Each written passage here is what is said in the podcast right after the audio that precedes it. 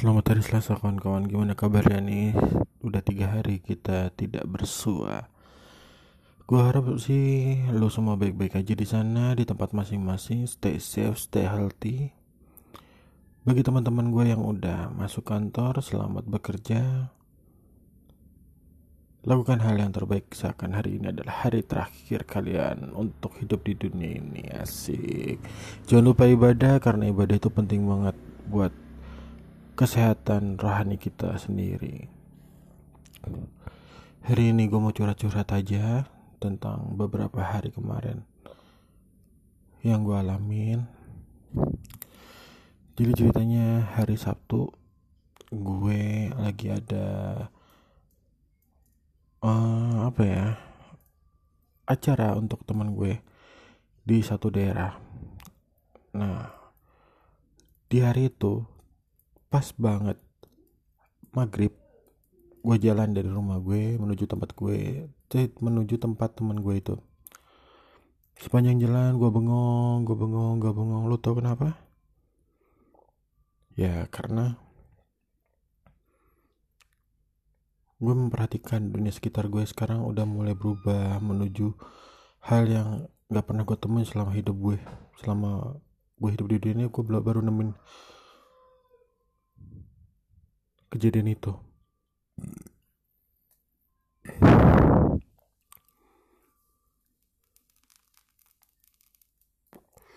Di mana mana sekarang orang udah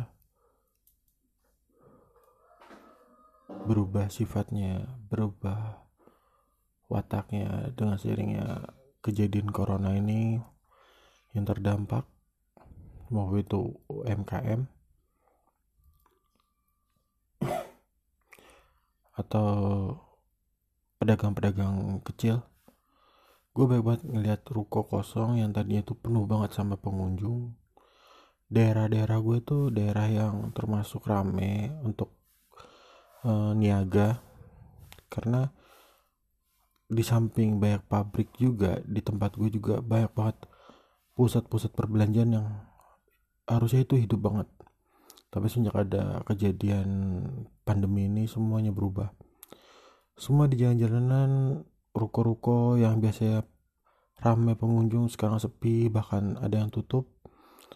Sedih banget gue ngeliatnya karena baik banget yang terdampak dari pandemi ini. Selain itu gue gak akan lama-lama bahas pandemi karena itu kontennya berbahaya. Gue juga gak mau terseret masalah juga jadi gue mulai ceritanya. Sore itu gue menuju tempat teman gue yang lumayan jauh lah dari daerah gue. Gue sepanjang jalan menyusuri jalan tuh gak, gak ada apa-apa seperti biasa. Tapi lu tau nggak kalau biasanya kalau di jalan-jalan gede gitu suka ada mbak-mbak yang nunggu angkot orang-orang yang nunggu angkot atau nunggu bis untuk pulang atau untuk berangkat gue nggak tahu. Nah di sore itu tuh gue ngeliat satu orang yang melambaikan tangannya di pinggir jalan. Karena gue merasa gue yang dipanggil gue berhenti dong gue lihat ke belakang gak ada angkot gue ngeliat pastiin lagi gak ada angkot yang dia panggil dan ternyata memang benar gue. Pas gue tanya ada apa? Kebetulan ini seorang perempuan. Gue ada apa mbak? Uh, ada yang bisa saya bantu? Mbak yang ngomong enggak mas saya mau minta tolong antar saya ke suatu tem ke tempat ini. Nah kebetulan tempat itu tuh gue tahu banget tuh tempat itu gue coba untuk bantu dia. Ya udah mbak silakan.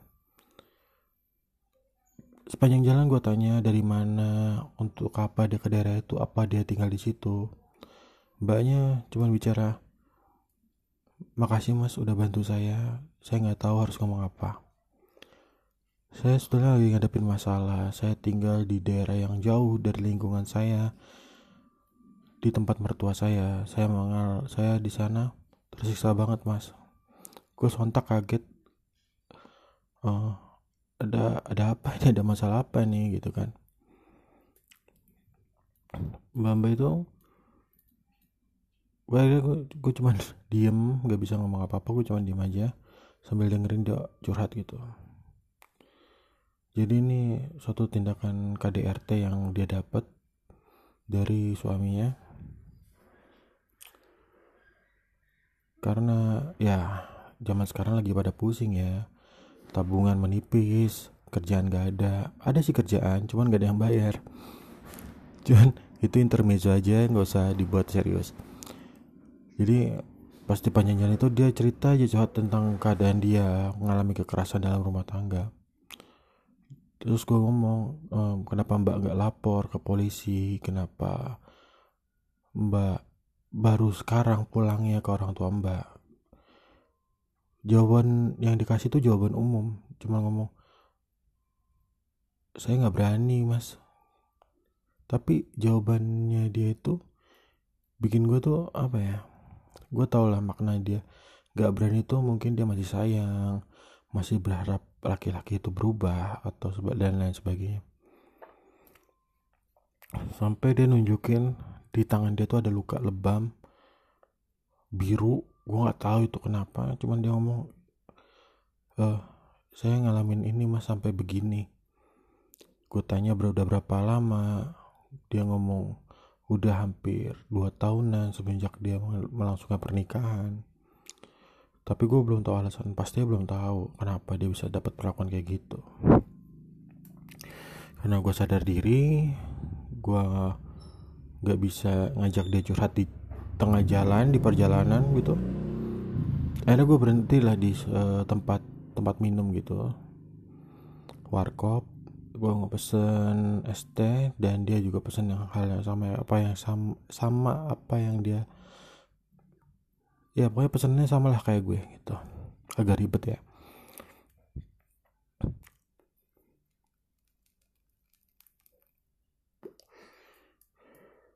terus dia ceritain semuanya. Awal pernikahan yang penuh paksaan. Awal pernikahan yang dia setelah nggak mau.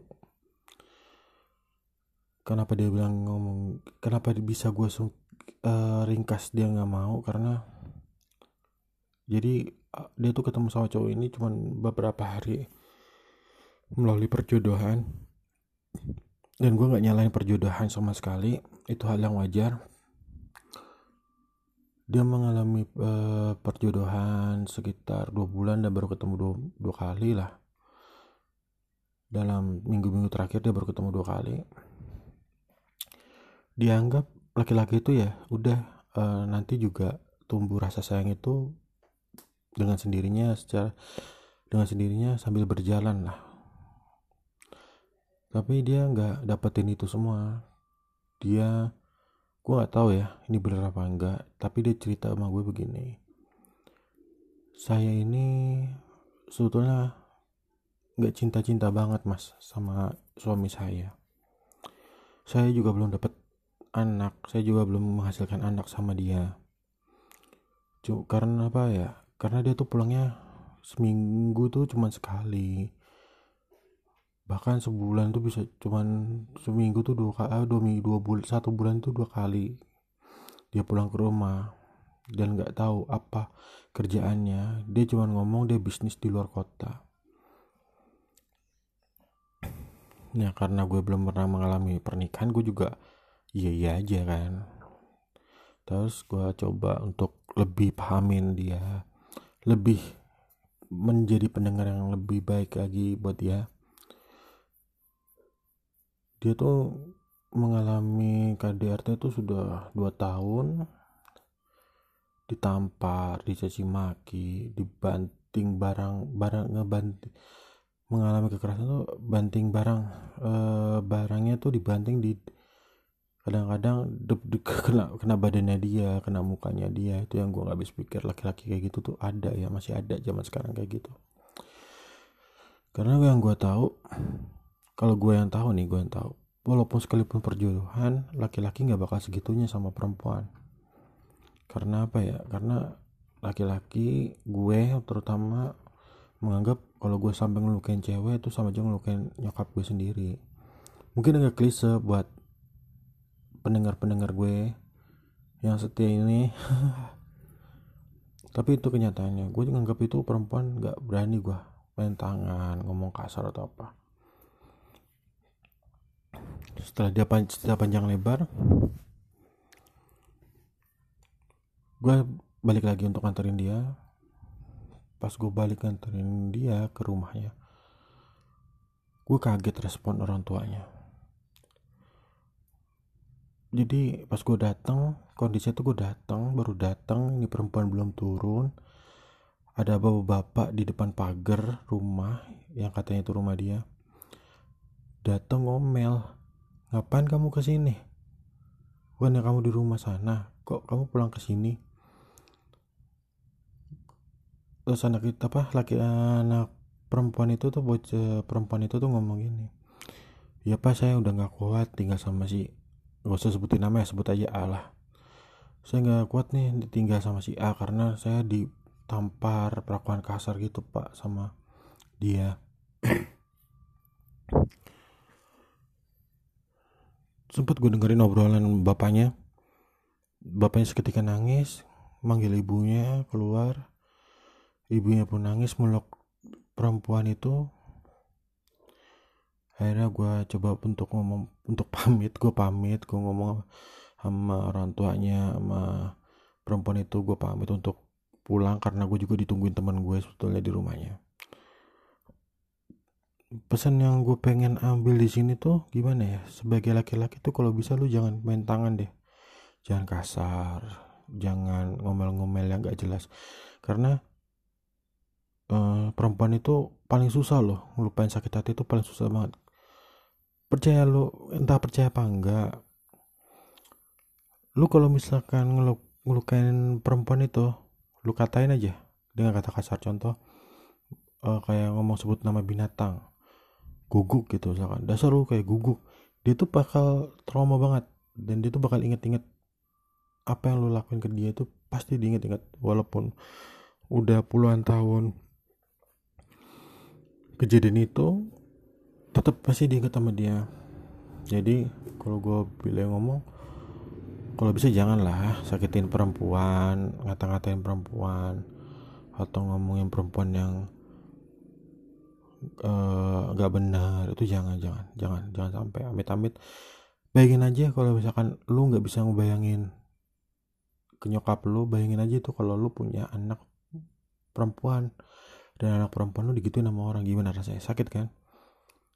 Nah makanya jangan lakuin hal itu. Walaupun itu juga gak ngejamin anak lo yang perempuan nantinya Atau adik lo mungkin yang perempuan gak digituin juga gitu. Itu juga gak bisa ngejamin juga Yang penting lo jangan ngelakuin itu deh ke perempuan gitu.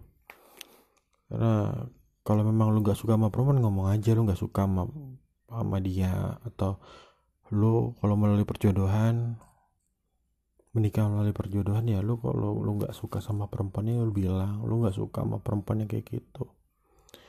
Jangan lu diem diem iya iya tapi lu ujung ujungnya mukulin tuh perempuan kasihan. Itu perempuan nggak salah apa apa gitu dia juga nggak mau lah kalau lu dijodohin sama dia juga nggak sama lah nggak mau dia nggak mau mengalami perjodohan lah zaman sekarang tuh. Mana ada sih orang yang mau dijodohin? Jarang banget mungkin orang untuk mau dijodohin dengan sukarela ya. Gitu. Jadi anggaplah kalau lu nggak mau berarti cewek itu juga nggak mau gitu aja. Gitu. Untuk perempuan nih juga sama. Jangan mentang-mentang perempuan lu uh, kadang-kadang nih kadang-kadang kan gak, gak banyak cuman ada aja perempuan yang gue temuin tuh sesuka hatinya dia gitu ngatur laki-laki gitu juga jangan gitu. Bagaimanapun laki-laki itu yang bertanggung jawab sama lo gitu. Ini selep ini terlepas dari lu ngomong apa lu ngomong pak masih pacaran atau udah nikah ya jadi kalau lu pacaran aja udah ngelawan laki gimana? Kalau udah nikah gitu juga sama buat laki-laki. Orang lu masih pacaran berarti gampar-gamparan sama perempuan gimana ntar nikah gitu. Ya mungkin itu aja dari gue. Nanti gue bakal ngupload lagi di sore atau ya pokoknya hari ini gue akan upload dua kali. Untuk lo pendengar setia gue tungguin aja uh, podcast gue podcast yang beda ini yang di mana isinya itu, itu aja tapi di sini lo bakal ngalamin experience yang beda. Sekian dari gue. See you next time. Bye